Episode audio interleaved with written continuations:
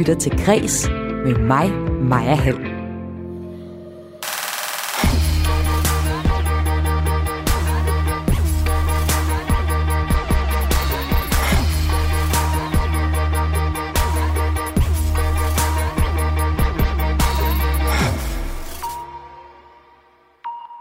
knælende amerikanske fodboldspillere i protest mod politivold. Det er en virkelig episode, men det er også en tegnefilm malet i sådan nogle klare farver, som du kan opleve på en ny udstilling på Copenhagen Contemporary. Vi gør op med holdningen om, at sport og politik ikke har noget med hinanden at gøre, siger museets direktør. Og dagens tema i Græs, det er sport og politik. Jeg ser blandt andet nærmere på baggrunden for konflikten om VM i Katar. Men der er også andet på programmet i dag. Et nyt teater vil blande klassisk scenekunst, VR og gaming. Du får den kollektive liveoplevelse i teateret ved at være tæt på i VR, siger manden bag teateret. Og her i Kreds kan du også høre, at øh, Rema 1000 inviterer til fanisering, og så kan du få en skræddersyet boganbefaling. Jeg hedder Maja Hall. Velkommen til Kres.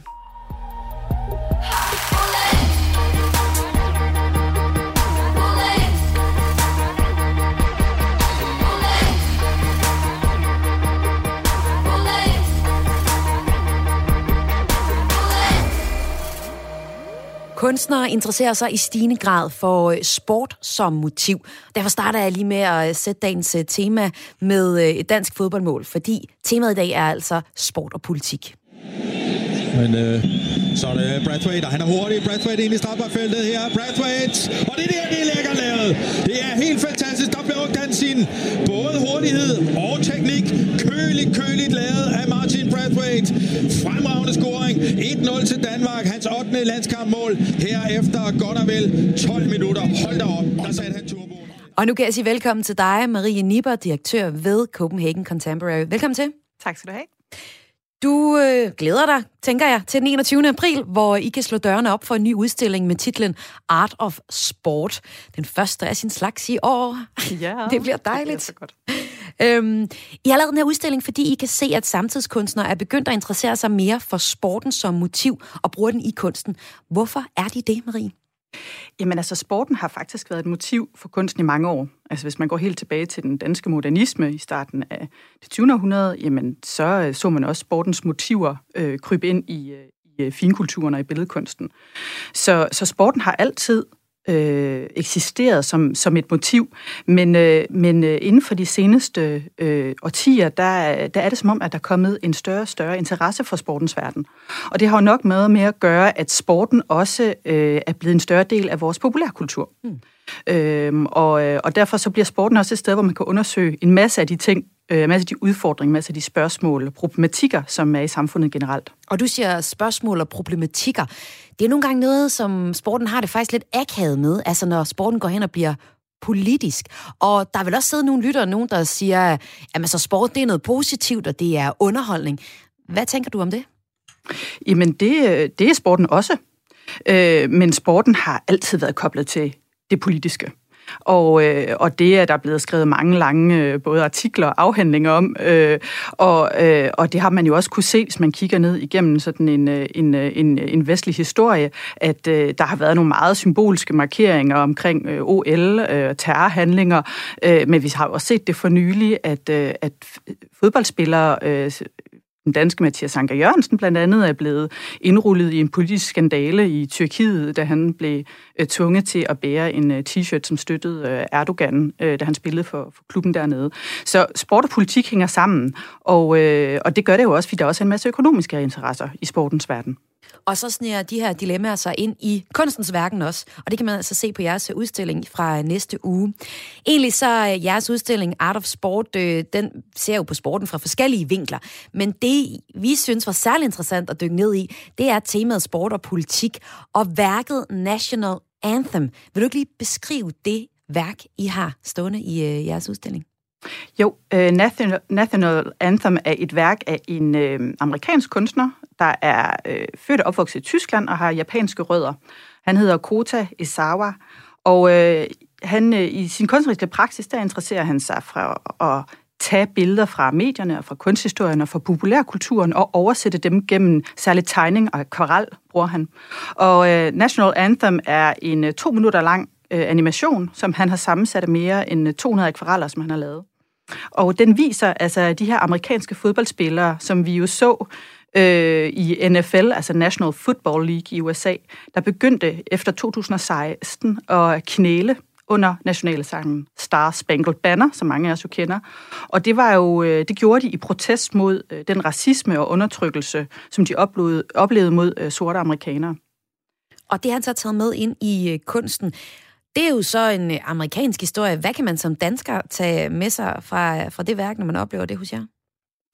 Jamen det er jo netop, at, at sporten er en politisk arena, og, og, og at det er særligt symbolsk, og det virker måske særligt øh, ekstra symbolsk for os nogle gange, når at sporten går ud og tager en politisk, et politisk standpunkt og viser en holdning, og også bruger det, det sportslige rum som et rum fra protest. Øh, men noget andet er jo også, at det også øh, giver os mulighed for at reflektere over det her med det patriotiske. Altså det her med at have et nationalt tilhørsforhold. Fordi det, som Kota Insauer her er interesseret i, det er selvfølgelig, at, at det her nationale højdepunkt i sportslige begivenheder, det er ofte her under nationalsangen, hvor vi alle sammen står, og nogen tager sig, øh, holder sig på hjertet. Mm. Øh, øh, det her, det var sådan en stille protest, men han så det jo egentlig som en ekstra patriotisk handling, at de her spillere knælede for netop at, at tænke på hele befolkningen, på alle deres øh, medborgere. Og så tror jeg altså også, at det får rigtig meget opmærksomhed, når øh, spillere går ud, og her var det en stille øh, handling, altså der er ikke nogen verbal handling, men hvis, hvis der er nogen, der går ud og siger noget højt, så lytter vi ekstra godt, fordi vi er vant til, at øh, sportsfolk er meget ordknappe og ekstremt bevidste om, at alt, hvad de siger, det synes øh, sladderpressen er rigtig spændende at putte op i, øh, i rubrikker. Bestemt. Øhm, og vi er jo ikke så vant til, at sportsfolk er så udtalt politiske, og det øh, kan der være rigtig mange grunde til, men det er jo også, fordi de jo også er fedtet ind i klubber, der har interesser, økonomiske interesser, ejermæssige forhold. Og penge, der, og rigtig penge, mange penge. Rigtig mange penge. Ja. Altså spillere bliver jo solgt for deres øh, værdi i merchandise, og den skal jo helst ikke øh, sættes over styr, hvis man kommer med nogle politiske holdninger, der ikke matcher den, det, det brand, som klubben står for. Altså, jeg tror, der er nogle af de kunstnere, I har, I har i jeres udstilling, der kigger misundeligt på sportsfolkene og hvad de har af værdi. I øh, jeres udstilling, der er I også øh, andre værker, der tematiserer sport og politik, blandt andet af Hank Willis Thomas, som også er en amerikansk billedkunstner. Så. Og han har værker med, hvor han bruger sportstrøjer. Øh, hvorfor er det værk interessant? Ja, han, øh, han er øh, også meget interesseret i øh, raceforhold og øh, kan man sige, hele den her øh, udveksling, også i sportens verden mellem det afrikanske kontinent og særligt USA, hvor han jo selv bor og, og arbejder. Og han øh, har sammensyet øh, mod hvad hedder det, konkurrerende holds trøjer til de her meget, meget smukke patchwork-motiver, der så også mimer øh, kunsthistoriske værker af blandt andet øh, Matisse. Øhm, og han øh, i det her patchwork, den her måde at sy trøjerne sammen på, der mimer han nogle flag, som stammer fra Ghana, der hedder Afaso-flag, som han brugte sådan mellem konkurrerende stammer til at vise tilhørsforhold. Så, øh, så han kører det her konkurrenceelement, der ligger i sporten, over også på, på øh, kan man sige, øh, den konflikt, der, øh, der har været i forhold til raceurolighederne i USA. Okay, fordi så kan man sådan tydeligt afkode de her øh, trøjer, og så er der en ekstra historie oveni. Ja, der okay. er mange øh, lag i hans værk. Og de her to eksempler fra jeres udstilling, det handler om race og øh, hudfarve. Men øh, hvis du kigger i din øh, kunstkrystalkurve, så peger du faktisk på, at vi nok kommer til at se mere samtidskunst, der handler om sport, men så ikke måske om, om øh, hudfarve, men om kønspolitik og sport. Hvorfor det, Marie? Ja, fordi øh, hvis du ser på sportens verden, så er det jo en verden, der er enormt øh, fastlåst i, hvad man kan sige, sådan et, et tokønssystem. Der er kvindesport, og der er herresport. Og øh, det matcher jo ikke den måde, som mange oplever deres egen kønsidentitet på, og den måde, som vi prøver i andre dele af samfundet at være rummelige og, og, og, og inkluderende over for folk, der ikke nødvendigvis identificerer sig som enten mand eller kvinde. Så folk, der simpelthen ikke ved, om hvilket øh, omklædningsrum de skal gå ind i, om de kan gå ind i det med et kvindesymbol eller et mandesymbol. Præcis. Og der er, så, der er jo så dem, der vælger for eksempel at skifte køn. Det er de historier, der når medierne en gang imellem. Mm. Men hvor er det kunstnerne gerne vil øh, ind og blande sig i, i det her emne? Jamen, deres take på det er jo, øh, meget af det kommer også fra personlige oplevelser, altså at ja. kunstnerne jo selv øh, har en kønsidentitet, der ikke har kunne passe ind i enten det eller det andet, eller bare har haft et, et, øh, en, øh, en svær situation i forhold til sporten. Øh, fordi sport kan jo på den ene side være meget inkluderende, men det kan også være ekstremt ekskluderende. Øh, og det er noget, som de er optaget af at prøve at udfordre, og selvfølgelig for at åbne op for, at vi får en mere snak om, hvordan sporten, også sportens verden, kan være, kan være inkluderende. Og de spørgsmål, dem kan man tale om, når man øh, tager ind og ser jeres udstilling, som øh, altså er åben fra næste uge, den 21. april. Så kan man simpelthen komme ind og, og se øh, en udstilling i Copenhagen Com- Contemporary, hvor du er direktør. Marie Nipper, tak fordi at du var med her. Tak for det. Og senere her i øh, Kreds, der fortsætter jeg med at se på emnet sport og øh, kultur, og det øh, gør jeg, når jeg har besøg af Amalie Bremer fra Radio 4-programmet Bremer og Blevet på Rov.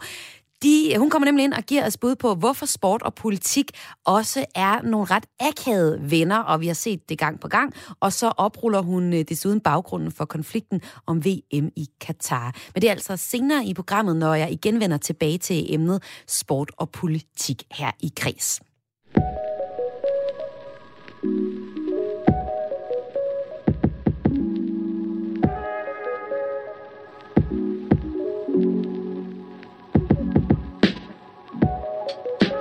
Mit navn er Karoline Kjær Hansen. Jeg er uddannet i litteraturhistorie, og hver uge skræddersyr jeg en læseanbefaling til en af jer, der lytter med her i Kris. Bogreolerne de er nemlig sprængfyldte med karakterer, som alle kan relatere sig til på den ene eller den anden måde. Og det får altså bare skuldrene til at tænke sig 5 cm, når man oplever, at man ikke står alene med det, der kan føles som et stort problem. Har du kærestesover, coronakuller eller svært ved at falde til i din nye by? Uanset hvilken situation du står i, så har jeg et forslag til en bog, der kan lindre dine følelser, og måske endda gøre dig lidt klogere på dig selv. Skal det være lige præcis dig, jeg kommer med en anbefaling til, så smid en sms afsted med det samme til 1424. Husk at begynde den med R4, eller send en mail til kreds radio4.dk, hvor du fortæller lidt om din situation. Mailen staves kraes radio4.dk. Du kan også stadig sende en sms. Nummeret det er 1424. Jeg glæder mig til at høre fra dig. Mm. Og senere i programmet kommer Karoline her ind forbi og kommer med en øh, anbefaling til en bog til en lytter, altså en skræddersyet boganbefaling. Rema 1000 holder fernisering med kunst fra det danske kongelige kunstakademi. Dansk rapper er idømt forvaring på ubestemt tid, mens svensk anklagede rapper vinder priser. Et nyt teater vil blande klassisk scenekunst, VR og gaming. Her er nogle af nyhedsoverskrifterne i kreds i dag. Og jeg slutter og starter nyhedsblokken her med teateret. Tæt på en million teatertilskuere er faldet fra og det sker altså også før corona kommer ind i billedet. Det viser tal fra Danmarks Statistik i dag. Det er sådan, at 1,9 millioner har i sæsonen 2019-2020 overværet scenekunst, hvilket sammenlignet med sidste sæson er et fald på 900.000 tilskuere. Og det er særligt teater til voksne, hvor tilskuerne er faldet. Resultaterne her de belyser tre kvartaler, der ikke har været påvirket af covid-19, men også et, der har været berørt af de omfattende øh, nedlukninger af blandt andet teaterne. Og det har selvfølgelig trukket tallet ned, men noget tyder altså på, at vi faktisk ikke gider at gå i teateret så meget som før.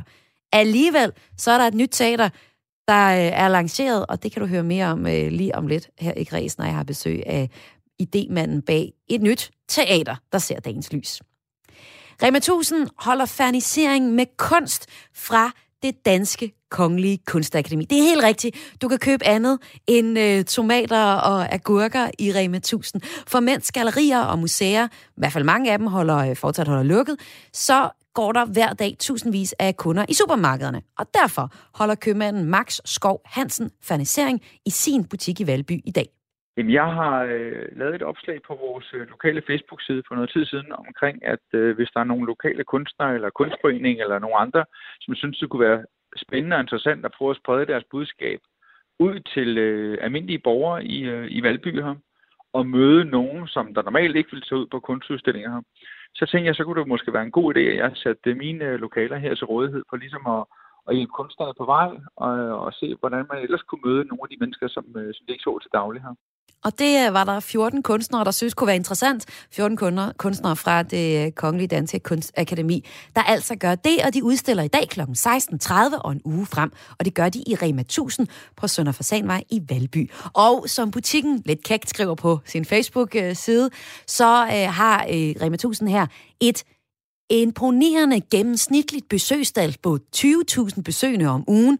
Til sammenligning er det samme tal for kunsthal Charlottenborg næsten 10 gange mindre. Ja, så da det da. Så kunne det være, at man som kunstner skulle til at få lidt fat i sin lokale købmandsforretning, i stedet for at stile efter Ars og hvad har vi ellers af store museer. Dansk rapper er idømt forvaring på ubestemt tid, og det sker på samme tid med en svensk anklaget rapper vinder priser. Den danske rapper, det er ham her. Han hedder Jamaica. Orale, orale, og vær det er min fucking mission. Alt det drama gør jeg altid ved huske det. På jagt efter sædler, der blodskudte. Hvis du er sjofi, så skub det, skub det. Ja, ja, skal skynde mig væk, for nu kommer pulle. Ja, Jamaica rapper om at være på kant med politiet, og nu er han altså selv havnet hos Pulle, som han kalder det. Det er den 25-årige rapper, der er ved retten i Esbjerg blevet idømt forvaring på ubestemt tid for blandt andet et knivoverfald i Esbjerg i øh, 19 og efterfølgende vold og trusler, og det skriver Ekstrabladet. Ifølge Jyske Vestkysten har Jamaica anket dommen til landsretten. Og kriminalitet i hiphop-miljøet, det har der været en del fokus på det sidste halve år. Og øh, flere har stillet spørgsmålstegn ved, om pladeselskaber og radiostationer kan spille musik af kriminelle, som jeg jo faktisk lige har gjort. Dommen af den danske rapper, det falder, mens en svensk rapper, der hedder Yasin, er nomineret til flere svenske Grammy-priser, på trods af, at han er anklaget for kidnapning. Det er sådan, at øh, da Yasin vandt P3-prisen i Sverige, førte det til en stor diskussion om, hvorvidt en kunstner med så voldsomme anklager imod sig bør vinde store musikpriser. Og den diskussion, den er der nok gode chancer for, at den kommer til at blusse op igen, fordi Yasin er netop øh, blevet nomineret til hele fire priser til Grammys, der er Sveriges store musikpris. Det skriver Sound Venue. Ja, ja, skal skynde mig væk, for nu kommer pulle. Alt den drama gør jeg altid ved huske det. Min sædler, de skutte hvis Det store sjofi, så skub det, skub Ja, ja. Skal skynde væk, for nu kommer pullen et nyt teater ser dagens lys i Viborg, men ikke teater, som vi kender det. Der er nemlig tale om en kombination af klassisk scenekunst, som vi kender det, men så også af VR, altså virtual reality, og gaming. Det er tidligere teaterchef på Teater Nordkraft i Aalborg, Jakob Tekla Jørgensen, der står i spidsen for projektet. Og Jakob, velkommen til. Mange tak. Under corona er flere teater gået digitalt med lidt sådan blandet succes, og teater over hele landet er mildestalt i krise, det ved du alt om, efter en, øh, en tre coronaperiode. Masser af usikkerhed, aflyste forestillinger og en masse spildt arbejde. Jakob, hvorfor starte et nyt teater lige præcis nu? Ja, men altså for det første, så bliver der jo et liv efter corona, og vi øh, tænker lidt længere ud i fremtiden. Øhm, altså teater er jo kommet for at blive. Det har jo eksisteret i 2000 år, og det kommer også tilbage igen. Jamen er det det? Øh, Fordi nu har jeg lige fortalt historien fra Danmarks Statistik om, at tæt på en million teatertilskuere er faldet fra. Og det skete altså også før corona kom ind i billedet. Så øh, altså, giver det mening at satse på teater? Jamen det synes jeg jo, jeg gør. Jeg elsker teater. Øhm, jo, jo, det gør men du, men også, øh, hvad med tilskuerne? Også, øh, vi laver også teater for et helt nyt publikum, og vi øh, kommer ud øh, og laver teater et sted, hvor, øh, hvor rigtig mange mennesker øh, kommer til at, at være, ligesom i Rema 1000, som du lige fortalte om lige før. Øh, vi kommer til at spille øh, i byens rum, øh, blandt andet på en, en stor plads i Viborg.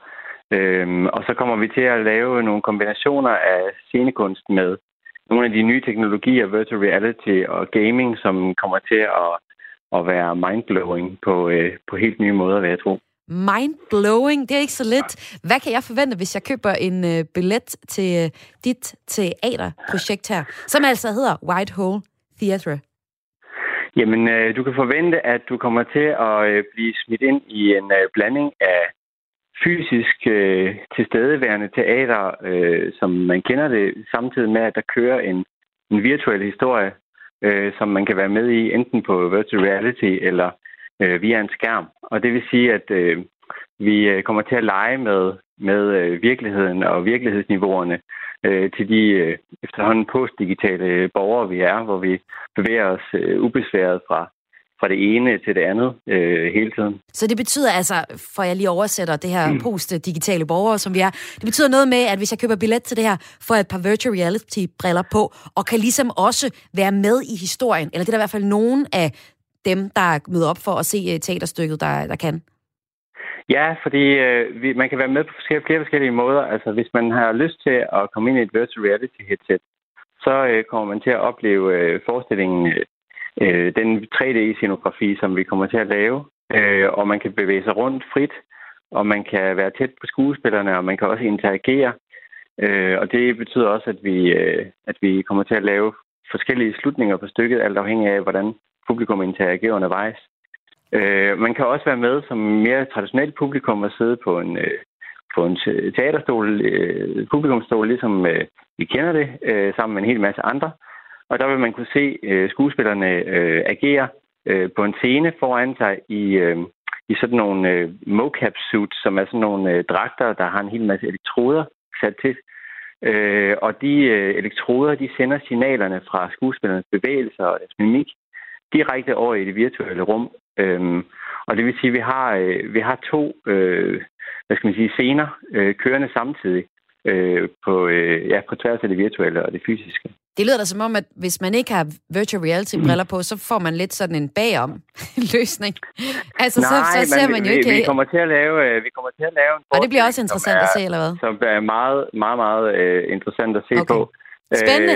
Uh, både der og, og på, uh, og så kan man følge den virtuelle øh, handling øh, på sådan en skærm øh, okay, ved siden så af. man kan også på den måde øh, se, hvad ja, der egentlig ja, foregår. Ja, ligesom ja. øh, til, en, øh, til en fodboldkamp, mm. hvor man har seks kameraer stående, og så kan man se øh, handlingen på en stor skærm samtidig.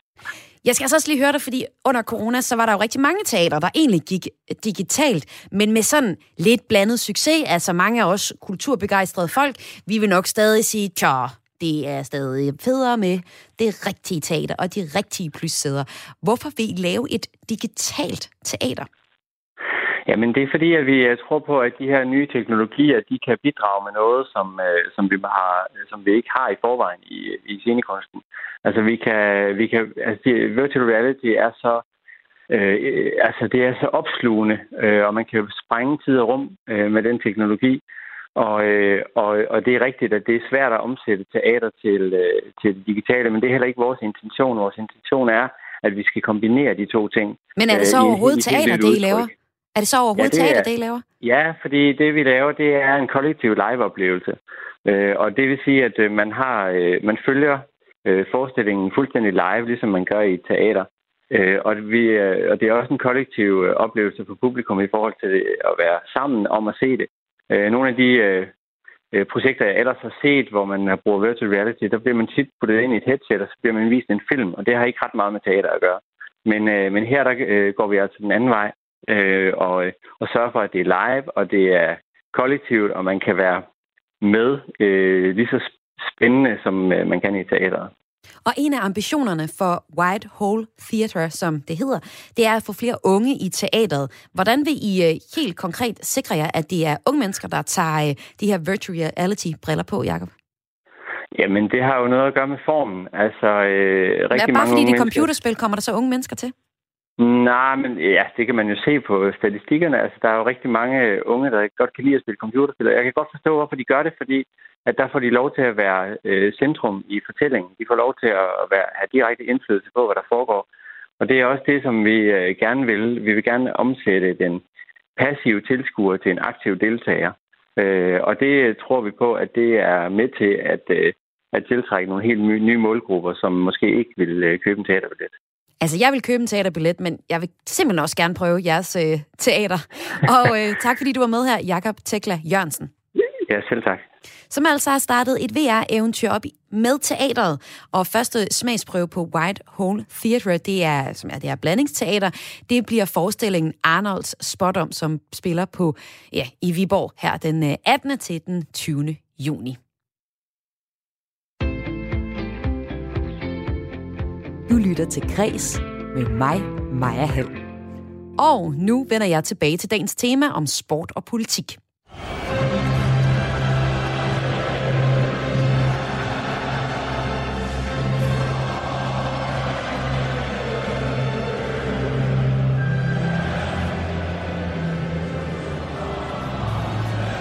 Så smukt kan det lyde, når vi synger sammen her. Er det den øh, danske nationalsang, vi hører. Og Kreds sætter i dag fokus på sport og politik, fordi Copenhagen Contemporary snart er klar, i næste uge er det, med en ny udstilling, der hedder Art of Sport. Og den udstiller en række politiske værker, der viser den politiske side af sport. Og den side, den undersøger I også i radioprogrammet Bremer og Bladet mod Rov. Og velkommen til dig, Amalie Bremer, vært på programmet. Tusind tak skal du have. Hvor I altså sætter fokus på øh, problemerne i sportens verden. Hvorfor er det egentlig, at det der med sport og politik sjældent fungerer super godt sammen? Jamen, jeg tror, at det er fordi, at sporten i sin rene og meget sådan ønskværdige form jo skal være en eller anden form for apolitisk kampplads, hvor at alle kan mødes på tværs af af andre konflikter. Og altså, at øh, til et OL, jamen, så er det bare i orden, hvis der er en, øh, en øh, kuglestøder fra Nordkorea, der er rigtig dygtig, så skal de være med, selvom at Nordkorea er på kant med, med resten af verden. Og det er den opfattelse, man gerne vil have af sport. Men, øh, men de senere år, og, og faktisk også tilbage i tiden, så er der jo rigtig mange, som har prøvet at blande sport og politik, og det er jo derfor, at, øh, at det efterhånden er svært at komme udenom. Du har peget på, at begrebet sportwashing er centralt. Hvad betyder det, Amalie?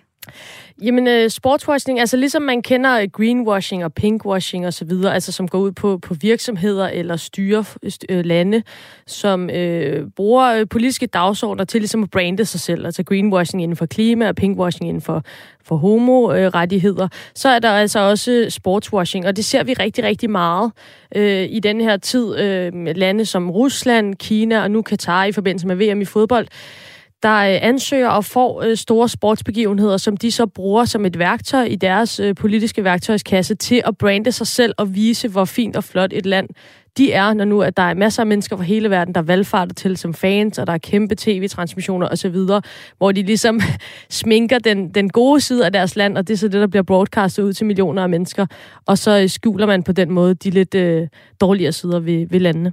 Ja, hvis man lykkes med det. Nu nævner du VM i Katar, altså VM i fodbold i Katar, mm. som I holder også snor i på jeres program. Kan du lige give et uh, resumé af den sag og fortælle, hvor vi står lige nu? Jamen, altså et resume, hvor skal man øh, begynde? Altså, det er, det er 10 år siden, at øh, Katar fik tildelt VM, og i dag så ved man, at det var på baggrund af korruption i FIFA. Øhm, så, så allerede der var der jo ligesom uh, uler i mosen, kan man sige. Og, og senere er det jo så kommet frem, øh, fordi der så også er kommet fokus på Katar, som er noget af det positive, man kan hive fat i, det er, at, at det er kommet frem, hvor dårlige forhold der egentlig er i Katar. Og øh, for nylig så er den engelske avis The Guardian øh, via regeringskilder i, i forskellige asiatiske lande øh, kommet med en rapport, der viser, at der er over 6.500 arbejdere, som er døde øh, øh, i opførelsen af VM i Katar, altså alle de her syv stadion, som skulle bygges i landet øh, midt ude i ørkenen, som ikke har nogen fodboldkultur, ikke har nogen fodboldstadions.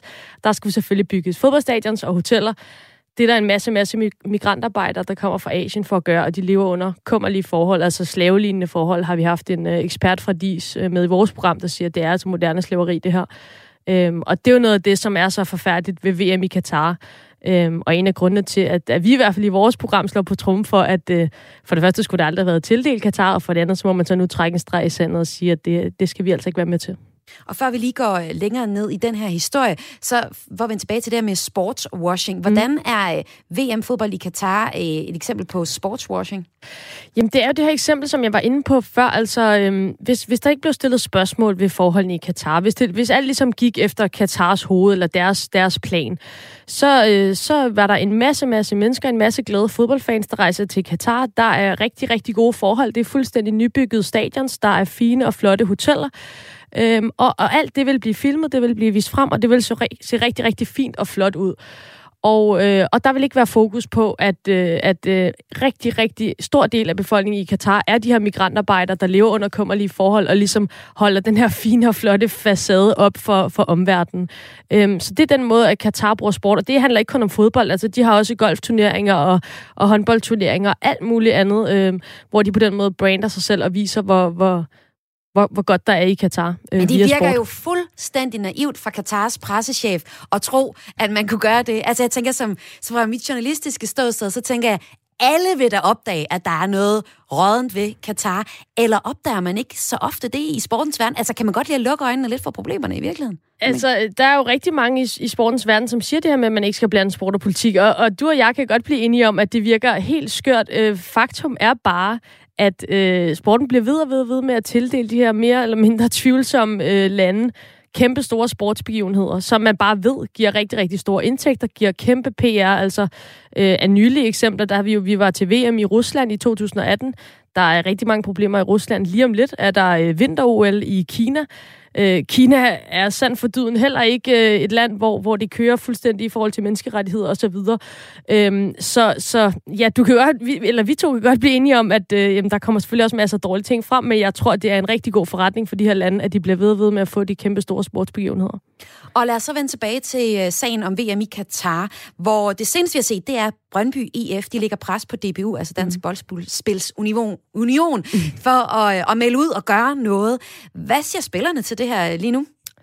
Ikke det store. Øh, de er meget, meget øh, svære at få i tale. Altså, øh, den øh, markering, der var fra, fra DBU's side, det var på foranledning af spillerne, altså de her t-shirts, som var meget omdiskuteret i forbindelse med, med VM-kvalifikationskampene her for, ja, det vil være lidt over en uge siden. Øh, det var på, på spillernes initiativ, men altså, den landede jo lidt øh, flat, fordi at det det var skrevet med meget lille skrift, og det var kun på i ganske kort tid, de her t-shirts og så videre. Så det fik jo rigtig meget kritik og landede et lidt dårligt sted. Når vi og, prøver og t-shirtsene at... sagde noget i retning af, vi, vi skal huske at Football support change, ja, stod der. Så det er jo... vi skal huske, vi støtter ændringer. Ja, jeg, ja. jeg ved ikke, hvad det betyder, mm. øh, og det kan man heller ikke rigtig få svar på. Altså, når vi spørger Spillerforeningen, så, så ønsker de ikke at, at, at tage stilling til det. Og, øh, og man kan sige, jeg, altså, jeg synes i hvert fald heller ikke, at spillerne er dem, der står først for. Jeg kan godt have det sådan som menneske. Jeg tænker, du, dig, landsholdsspiller, du er også et menneske. Hvordan har du det med, at du skal ned og gøre dit job på en bane, som er bygget af nogle migrantarbejdere, som har levet som slaver? Men det er jo ikke dem, der har taget beslutningen om, at, øh, at VM i Katar øh, skal ligge der, og de har heller ikke en øh, doktorgrad i øh, menneskerettigheder eller, eller noget som helst i den stil. Så det er jo i, i virkeligheden også nogle længere op i systemet, som man skal slå på, hvis man spørger mig i hvert fald. Og så er der så de danske fans. Det er måske der, hvor der, det rykker lidt. Altså, det er i hvert fald fangruppen i, i Brøndby, de har været sådan, nu skal der ske noget. Ja. Ja, altså øh, Brøndby er ude, øh, eller deres fans er ude som, som den første sådan øh, samlede fangruppe at sige, at de øh, ønsker, at, øh, at man skal boykotte VM i Katar, eller i hvert fald som minimum kun stille op med den sportslige sektor, og dermed ikke prøve, altså blåstemple Katar så lidt som muligt, kan man sige. Øh, og så er der sådan en sammenslutning, der hedder Danske Fodboldfans på tværs af klubber, som lige har lavet en stor undersøgelse, hvor der er rigtig, rigtig bred opbakning øh, til boykot af VM i Katar, så Ja, det ser man jo også generelt i den danske befolkning, ikke kun blandt fodboldfans, men også bare blandt øh, ja, øh, minimand og kvinde, at, øh, at der altså er øh, meget vigende opbakning til VM i Katar. Ja, og det man vil, det er, som du siger, ja, boykot simpelthen af VM. Ja. Øhm, man kunne også godt lige stille sig over i den anden lejr. Bare lige, mm. det, det er jo en dejlig klassisk uh, disciplin, lige at stille sig over og sige, jamen hvis vi ikke må spille fodbold, i, uh, i, altså, så må vi jo ikke spille nogen steder, for der vil jo altid være nogen, der ikke lige er helt inden for uh, forretninger, ja, forretningerne og lige stikker lidt udenfor. Mm. Er, er der noget at sige til det hold? Jamen, altså, det, det synes jeg er helt reelt. Øhm, jeg synes, det, det er jo en lille smule det, det her som, hvor man hele tiden, så tager man det ud af en tangent, og så siger man, jamen, så kan man jo ikke noget, så kan vi jo kun mm. holde, holde VM i Danmark og Sverige og Norge. Og øhm, jeg er mere tilhænger af, at man forholder sig til det, man står over for lige nu. Øh, lige nu står vi over for ja, et vinter i Kina lige om lidt, øh, som, som, hvor det virkelig står skidt til i Kina med, med folkedrab og så videre, og vi står over for et VM i Katar. Øhm, og, og det synes jeg, man skal forholde sig til. Det, der er med VM i Katar, det er simpelthen et af de allertydeligste eksempler på, at hvor fodbolden og en placering af et fodbold-VM direkte har været inde og være medvirkende til, der skulle lave så mange kæmpestore byggeprojekter, så mange migrantarbejdere, øhm, har det virkelig, virkelig forfærdeligt dernede. Mange af dem er døde, og derfor så er det jo en fuldstændig oplagt mulighed for at trække en streg i sandet. Amalie Bremer, vi ser i dag på sport og politik, fordi Copenhagen Contemporary har en stor udstilling om øh, en hel masse ting, men blandt andet med værker, der handler om sport og politik. Mm. Og Marie Nipper fra øh, Copenhagen Contemporary, hun spår, at sporten som motiv bliver noget, som samtidskunsten kommer til at dyrke meget mere ned i i de kommende år. Og hun tror især, vi kommer til at opleve kunst, der sætter fokus på køn og sport. Bliver det også et tema, som sportsbranchen kommer til at diskutere de kommende år, tror du? Ja, altså det er det til dels allerede. Jeg mm. tror, at, øh, at sportsverdenen bevæger sig øh, lidt langsomt, øh, men, men der er jo øh, ja, bare rigtig, rigtig store skred i vores samfund i forhold til identitetspolitik og kønspolitik osv., og, og det smitter selvfølgelig også af i sportens verden. Øh, noget af det, som er, er ret håndgribeligt, øh, og derfor lidt nemt at tage fat i, det er det her med, med transkønnede atleter, øh, som fylder ret meget i, i sport øh, lige nu, eller ret meget. Det, det er i hvert fald, der er debat omkring det, øh, og det er jo en fuldstændig åbenlyst problematik, jamen øh, øh, selvfølgelig skal, skal transkønnede øh, mennesker også have lov til at, at dyrke den sport, de elsker, men hvordan kommer man lige omkring det, sådan så at sportens inderste væsen, som jo også er, at man skal konkurrere på lige vilkår, stadigvæk øh, på en eller anden måde øh, er i spil. Øh, så det, det er en af de diskussioner i forhold til køn, som fylder i sport lige nu. Amalie Bremer, tak fordi du var med her i Græs til at sætte perspektiv på øh, emnet sport og politik. Det er mig, der takker. Og øh, Amalie Bremer, hende kan du høre i Radio 4's radioprogram af Bremer og Bladet mod Rov. Og øh, der ser de på de store problemer i sportens verden, blandt andet VM i Katar. Og du kan høre programmet her på kanalen fredag 13-14, eller du kan finde det som podcast, ligesom du kan med Kris.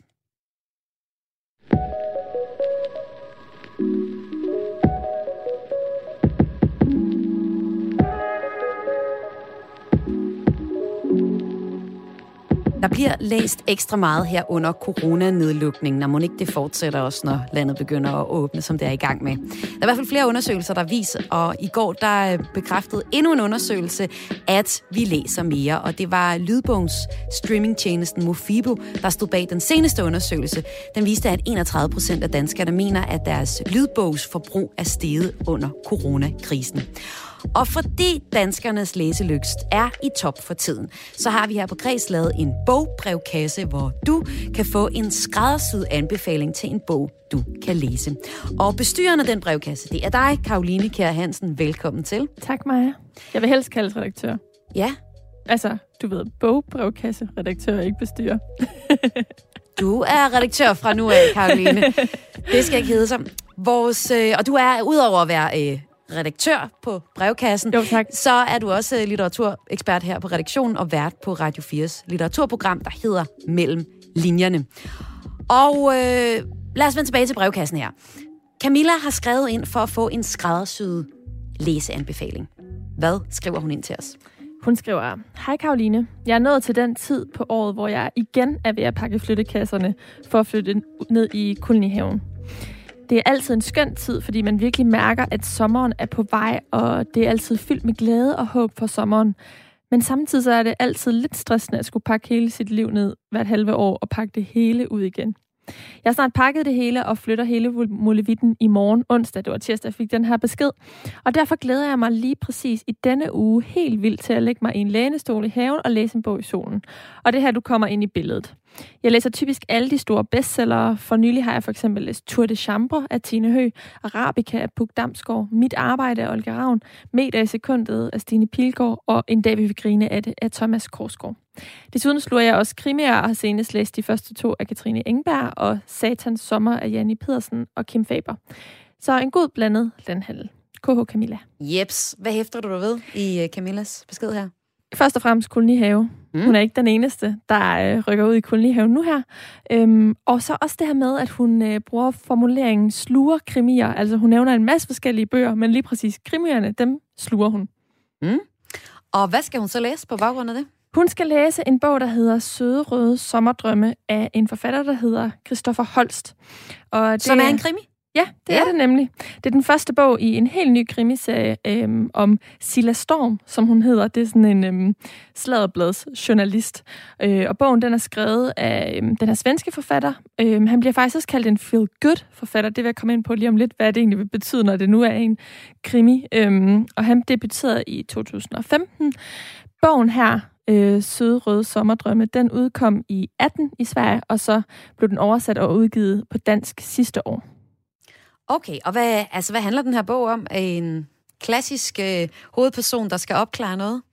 Ja, ikke helt faktisk, okay. fordi handlingen den udspiller sig på den her smukke skærgårdsø, Bullholmen uden for Stockholm. Og det her, hvor vi møder hende her, sladderbladsjournalisten Silla, som har søgt ly efter, at hun er blevet forladt af sin kæreste. Og hun har nemlig købt et hyggeligt lille kolonihavehus. Ah, så kommer det, yes. Så der var kolonihaven. Mm-hmm. Og øh, det, der sker, det er, at hun er knap ankommet, før at øh, der sker et mor på en ung pige, og det viser sig så, at Silla, hun er den sidste, der har set den her unge pige, inden hun døde. Så øh, det piger hendes øh, sladderbreds øh, journalist nysgerrighed, øh, fordi hun vil gerne finde ud af, hvem der har dræbt den her pige, øh, og hvem der overhovedet kunne finde på og gøre det. Det er en 19-årig pige, så hun er meget ung. Øhm, og Silla, hun øhm, prøver sammen med sin søde og meget snaksalige nabo Rosie at øh, forstå, hvad der egentlig er sket, imens de også bare sådan hygger sig over en masse kaffe og drinks og kold hvidvin og gode snakke. Og Rosie her, hun er mor til den flotte og velklædte politimand Adam, som står for efterforskningen af det her mor. Ej, vi har alle elementer. Ja, ja, lige præcis. Så øhm, hun er taget ud for at komme til hægterne efter det her forliste forhold. Øhm, men hun kan altså ikke se sig fri for ja. at blive tiltrukket af en ny en allerede. Ja. Ja. Og jeg tænkte på, at vi lige skulle... Skal jeg ikke læse introen, så jo, man lige får jo, en fornemmelse jo. af, hvordan, øh, hvordan den her stil er? Jo. Det er fra... Det er simpelthen det allerførste kapitel 1. Midsommeraften 2017. Det var en dejlig varm dag, da jeg stiger ombord på båden med mit nye, mod mit nye liv. Båden, som skal føre mig væk fra alt det, som har været, til noget helt nyt væk fra alt det, som er sket i løbet af de sidste par måneder. Alle tårne, alle de søvnløse nætter foran den, foran den ene tv-serie efter den anden, måske en dybt begravet i Ben Jerry's bøtten. Eller måske var det sådan, det burde have set ud. Det er i hvert fald sådan, jeg altid har forestillet mig et break-up. Okay, nogle få tager måske til Australien og springer bungee jump eller padler afsted på Nilen på ryggen af en krokodille for at finde sig selv. Men der findes kun én rigtig måde at gøre det på øh, rent filmisk, når man skal håndtere et brud, og det er at græde alle de tårer, som skal grædes, og spise al den is, der skal til, hvilket er meget. Rigtig, rigtig meget. Det er også en underholdende bog, kan jeg høre. Lige præcis, og derfor ja. tænker jeg, at den kunne være god til Camilla, fordi at det er en krimi, men den har også den her sådan komedie, romantiske, feel-good stemning, og er sådan ret komisk skrevet i bund og grund. Jeg tænker sådan, når hun godt kan lide Stine Pilgaard og Tine Høgh, så, så vil den her stil formentlig passe til hende. Og det er jo så en krimi. Jeg tror, det er første gang, du anbefaler en krimi her i øh, brevkassen. Det er det faktisk. Den nye undersøgelse fra Dan- om danskernes læsevaner, øh, som jeg lige talte om i, i introen her fra Mofibo, den viser, at det netop er krimi-genren sådan uden sammenligning, der er den mest populære genre blandt de adspurgte. Hvad øh, tror du, der er, der er, der gør, at altså, vi kan høre, at Camilla her, hun læser alt muligt og rigtig mange krimier. Ja, og hun er jo ikke den eneste, som undersøgelsen den viser. Altså, jeg tror, der er tre årsager til det. Først og fremmest så handler det om den måde, som krimier oftest er bygget op på. Page-turner, øhm, eller hvad? Ja, altså det er faktisk sådan relativt simpelt, men hvis man går helt tilbage til sådan øhm, den gamle fortælletradition, så kan, har vi Aristoteles, den græske filosof, som sagde, at en, øh, en fortælling den skal have en begyndelse, en midte og en slutning. Og øhm, det er der noget, der hedder receptionsæstetik. Nu bliver det en lille smule snørklet, men jeg prøver alligevel at sådan lige inddrage det her, fordi det er faktisk noget af det, jeg synes var helt vildt spændende, da jeg læste øh, litteraturhistorie. Receptionsæstetikken, den beskæftiger sig med, hvad læseren synes. Altså det er ligesom, man prøver at sætte sig ind i læserens hoved og få det blik på litteraturen og undersøge dens egenskaber i forhold til læseren. Og receptionsæstetikken, eller øh, receptionsæstetik, altså dem, der sidder på det her forskningsområde, de har fundet ud af, at som mennesker, så har vi sådan et begær efter at komme til slutningen, hvis en historie er bygget op på en bestemt måde. Og det er faktisk bare sådan en helt klassisk begyndelse, slut, midte og slutning. Så når man har sådan en type plot, så øh, piger man læserens nysgerrighed. Og det har krimier bare, må vi sige. Altså, og det er så det, jeg oversætter til page-turning. Lige præcis. Sådan kunne man også vælge at gøre det. Ja. Men det er altså sådan en særlig struktur, bogen er bygget op på. Det her med, at vi har en klar start og en klar slutning. Og det er altså ikke alle bøger, selvom man kunne tænke det, fordi man åbner på side 1, så har øhm, sådan handlingen jo ikke nødvendigvis det. Den kan godt springe i tid på en helt anden måde. Så det er den øhm, ene del? Det er den ene del. Og mm. den anden del, det er, at som læser, så bliver man ofte lidt mere involveret, når det er krimier på sådan en direkte måde end andre former for litteratur, fordi man bliver inviteret med i den her opklaring mm. af krimigåden. Fordi de her, der er ligesom sådan brødkrummer, der løbende bliver drysset ud. Og den sidste ting, det er, at man i krimilæsningen ofte også bliver stillet over for nogle etiske dilemmaer og nogle menneskelige valg. Altså tit så har krimier jo, øh, nu nævner øh, Camilla her, som skriver ind Katrine Engberg, som faktisk også har sådan et mere essentielt tema i, sin, øh, i sine krimier, for eksempel ensomhed i hendes seneste Isola. Øhm, så på den måde, så... Øh, så de her sådan valg og dilemmaer, det gør, at man også ofte bliver sådan ekstra engageret altså i læsningen. Men det er måske også en nyere ting. Altså, jeg har læst helt vildt mange krimier, da jeg var lille. Der læste jeg for eksempel Agatha Christie, og der tror jeg ikke, der var sådan ekstra lag ovenpå, ellers så fattede jeg dem bare ikke, fordi jeg ikke var mere end 12. Men jeg, altså de to andre pointer der, det der med at øh, blive øh, inviteret med til at finde ud af, hvem slog det, hvem slog dem ihjel, da de var ude på det der sommerhus, og øh, også bare ja, den der page-turning feeling, altså man virkelig fik slugt nogle bøger, og det var fedt at gøre, da jeg var 12, ikke? Mm. Så det var nok de to ting, der virkelig øh, fik mig til at læse mange øh, krimier. Men så har jeg måske lagt krimierne lidt på hylden, og det kan der være alle mulige gode grunde til, men det kan også være, at de bliver nogle gange anset som sådan lidt mindre fine. Sådan noget, man lige tager med, som der lige kan læses hurtigt, fordi det er ikke sådan den gode litteratur. Hvorfor tror du, det er sådan? Mm. Jamen altså, jeg mener ikke, det er sådan. Det der, det, men jeg vil give dig ret i, at der er sådan en udbredt holdning til det. Og det er faktisk meget tankevækkende, fordi hvis vi ser på, øhm, hvem der sådan er faderen til øhm, krimigenren.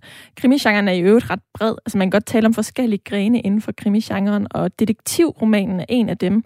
Øhm, og det var sådan den første krimi, hvis man kan sige det sådan, og den var skrevet Edgar Allan Poe, en forfatter, øh, som man altså også bliver undervist i, når man læser litteraturhistorie, som jeg har gjort. Så det er altså ikke fordi, at det ikke bliver sådan klassificeret som fin litteratur nogen steder. Men i bund og grund, så handler det jo om, hvordan vi taler om litteratur på. Og altså, os læsere, vi er med til at definere, hvad der hvad der er noget, noget fuss about.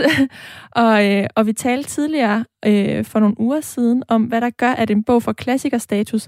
Og det er jo dybest set, at der er nok, der siger, det her, det er en klassiker, eller nok, der læser den.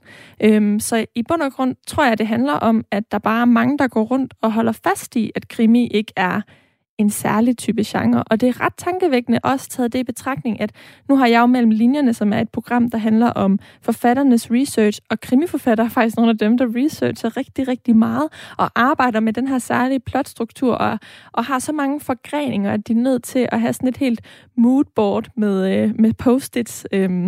Men man skal jo heller ikke misforstå, fordi hvis man kigger på øh, bogbloggerne, så er der virkelig mange, der anmelder bøger krimibøger. Og der, jeg tror, der er mange, altså det er jo det, der er masser, der læser det, men det bliver alligevel nogle gange anset som lidt mindre fint. Og det kan være det der, du også nævnte med, at, at det er så lyst øh, betonet, når man læser det. Altså der, man føler slet ikke nogen pligt, når man åbner en krimi. Man vil bare gerne vide, hvem slog hende ihjel, eller mm. ham ihjel. Så det er måske også en del af det, at, øh, at vi sådan lidt siger, at det er for nemt at forstå det her, simpelthen.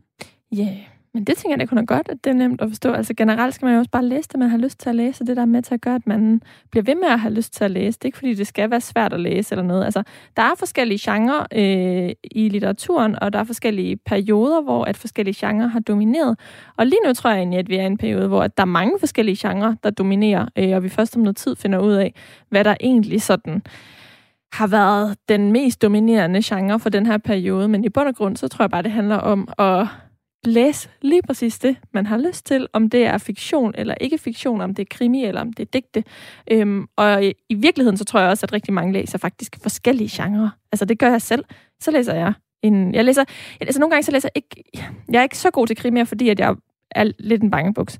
Men altså, nu, jeg har læst... Men alligevel, øh, så er din anbefaling i den her uge altså Søde Røde Sommerdrømme af Christoffer Holst og en skræddersyet bog anbefaling til Camilla. Og øh, hvis dig, der lytter med, godt kunne tænke dig en øh, anbefaling, jamen så kan du skrive ind til øh, brevkasseredaktør Karoline, og øh, du skriver bare ind til kreds radio4.dk, og det er k r a e s radio4.dk, og så skriver du måske, jeg læste sidst det her, og jeg er i det her humør, og så kan du komme med en anbefaling. Lige præcis. Der skal faktisk ikke meget mere til. Karoline, jeg slutter programmet af i dag med Michael Jackson. Hvordan har du med ham? Jeg tænker på min gymnasietid, når du siger det som det første. Jeg lyttede meget til ham i gymnasiet. Det var faktisk lige i gymnasietiden, han også døde. Jamen, der er så mange følelser omkring den mand, ikke? Fordi så har man øh, sine personlige referencer, og så kom der hele den der incest-anklagehistorie, som er vendt mm. tilbage til ham. Og så øh, var der Christian Let, som er musiker, som jeg havde besøg af i øh, mandags. Han fremhævede Michael Jackson som en mand, der har skrevet et meget politisk nummer Og det var bestemt ikke det, jeg forbinder med Michael Jackson. Hvad var hans begrundelse? Jamen, det er, at vi skal høre Man in the Mirror. Og øh, i teksten, der kan jeg egentlig godt se, at der er noget ret politisk i det. Øh, han, øh, han synger, I'm starting with the man in the mirror. I'm asking him to change his ways. And no message could ha- uh, have been any clearer. If you want to make the world a better place, take a look at yourself and then make a change. Så det er, på, det er mikropolitik, faktisk. Det er jo dig selv, der skal gøre nogle øh, forskel. Og det nummer vil jeg slutte af med, øh, fordi jeg i mandags tale med Christian Let, som har udgivet et meget politisk nummer, der hedder Her, hvor vi bor, om politisk musik og om politiske slagsange. Han hader politiske slagsange, for eksempel sådan noget som Røde Mor og sådan noget 60'er demonstrationsmusik, men elsker politisk musik og mener, at det er i meget mere, end hvad vi går og tror. Og et eksempel på det, det er altså øh, Michael Jacksons nummer her, Man in the Mirror.